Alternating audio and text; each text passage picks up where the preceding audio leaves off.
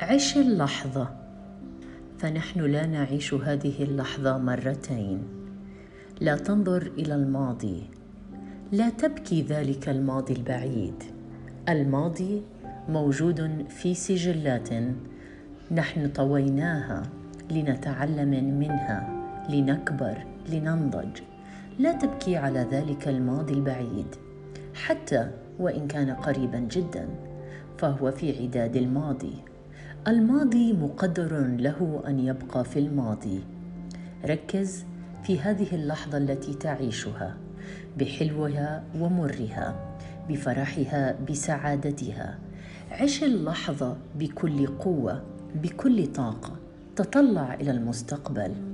التفت لفتة صغيرة إلى ذلك الماضي لتتعلم من تلك الأخطاء لتجعلك أكثر حكمة.